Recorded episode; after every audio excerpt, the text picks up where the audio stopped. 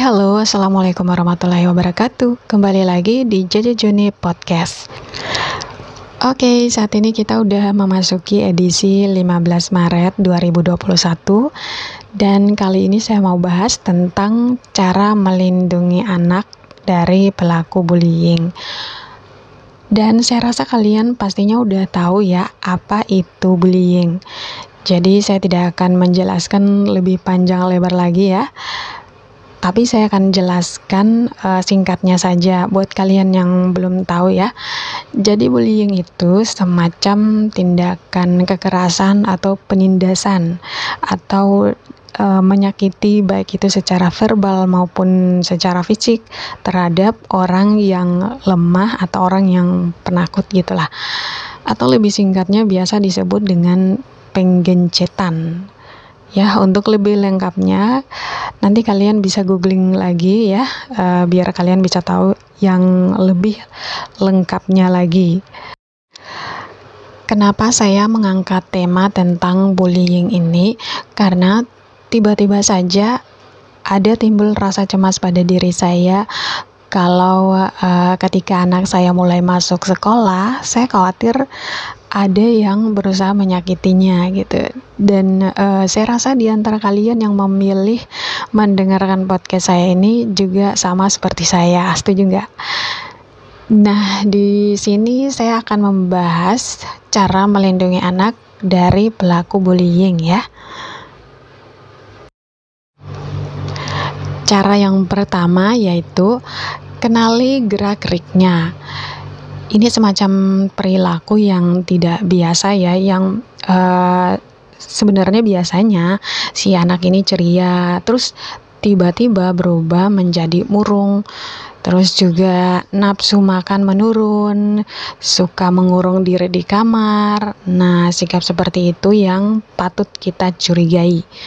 Jangan-jangan anak kita sudah menjadi korban bully di sekolah.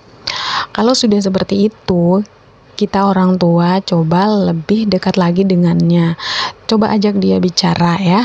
Uh, misalkan tanyakan dia di sekolah gimana apakah menyenangkan atau tidak terus bagaimana dengan gurunya dan sebagainya dan sebagainya tanyakan kepada dia uh, apakah kamu di sekolah ada masalah dengan teman? Kalau seandainya dia masih tertutup kita coba uh, pancing dengan menceritakan masa lalu kita waktu dulu di sekolah dan uh, mungkin saja pernah dibully ya. Pokoknya cerita berkaitan dengan bully bully dibully gitu. Juga uh, apa namanya pernah uh, cerita tentang uh, mungkin ada teman kita yang juga pernah dibully gitu ya gitu ya. Atau pernah dengar cerita dari tetangga sebelah kalau anaknya itu juga dibully dan uh, sekarang dia sudah sudah tidak dibully lagi karena uh, sudah ditindaklanjuti ya sehingga di situ dia akan merasa bahwa uh, bukan cuma dia seorang yang dibully dan buktinya juga ada yang terbebas dari pelaku bully tadi dan uh, pada akhirnya dia akan mau menceritakan masalah pembulian di sekolah. Dengan begitu kita akan bisa melaporkan pada pihak sekolah atau kepala sekolahnya biar si pelaku bully tadi itu ditindaklanjuti uh, biar anak kita itu tidak uh, tidak dibully lagi juga anak-anak yang lainnya tidak dibully lagi sama si pelaku tadi.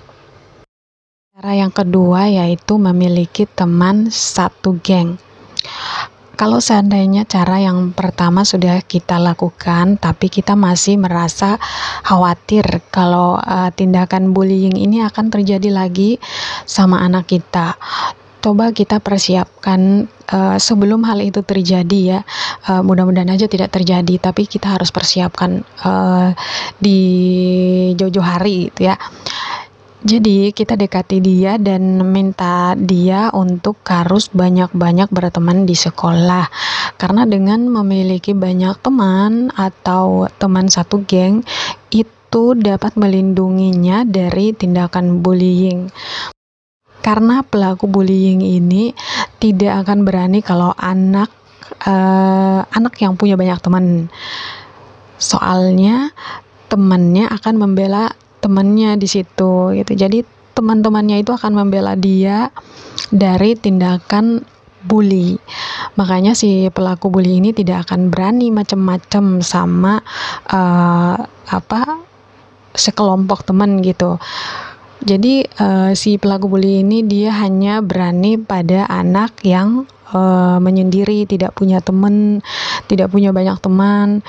Uh, nah, itu dia akan uh, jadikan sasaran gitu. Jadi pastikan anak kalian itu bukan pastikan ya, tapi coba minta dia untuk uh, banyak berteman gitu harus punya teman satu geng atau ya yang penting punya teman lah Nah, sekarang cara yang ketiga ya, yaitu bela diri. Kalau seandainya cara yang pertama dan cara yang kedua masih juga belum belum cukup atau kalian masih merasa khawatir, uh, sebaiknya mengikutkan anak di pelatihan bela diri sehingga ketika dirinya dibully dia dapat melindungi diri dengan bela diri yang sudah ia kuasai atau ia pelajari dan uh, dengan menguasai bela diri ini juga bisa dia bisa akan membantu temannya yang juga menjadi korban bully gitu. Nah, jadi itu ya tiga cara agar dapat melindungi anak uh, dari korban bullying tanpa kita harus berada di sampingnya setiap saat gitu. Oke, okay, uh, eh, saya rasa itu saja yang bisa saya sampaikan. Kurang dan lebihnya mohon maaf ya. Semoga uh, ke depannya saya bisa lebih baik lagi dan semoga podcast saya kali ini bisa bermanfaat. Dan terima kasih juga untuk kalian yang sudah setia mendengarkan podcast saya. Dan kayaknya saya harus undur diri saya harus pamit undur diri. Sampai jumpa di lain waktu lain kesempatan. Wassalamualaikum warahmatullahi wabarakatuh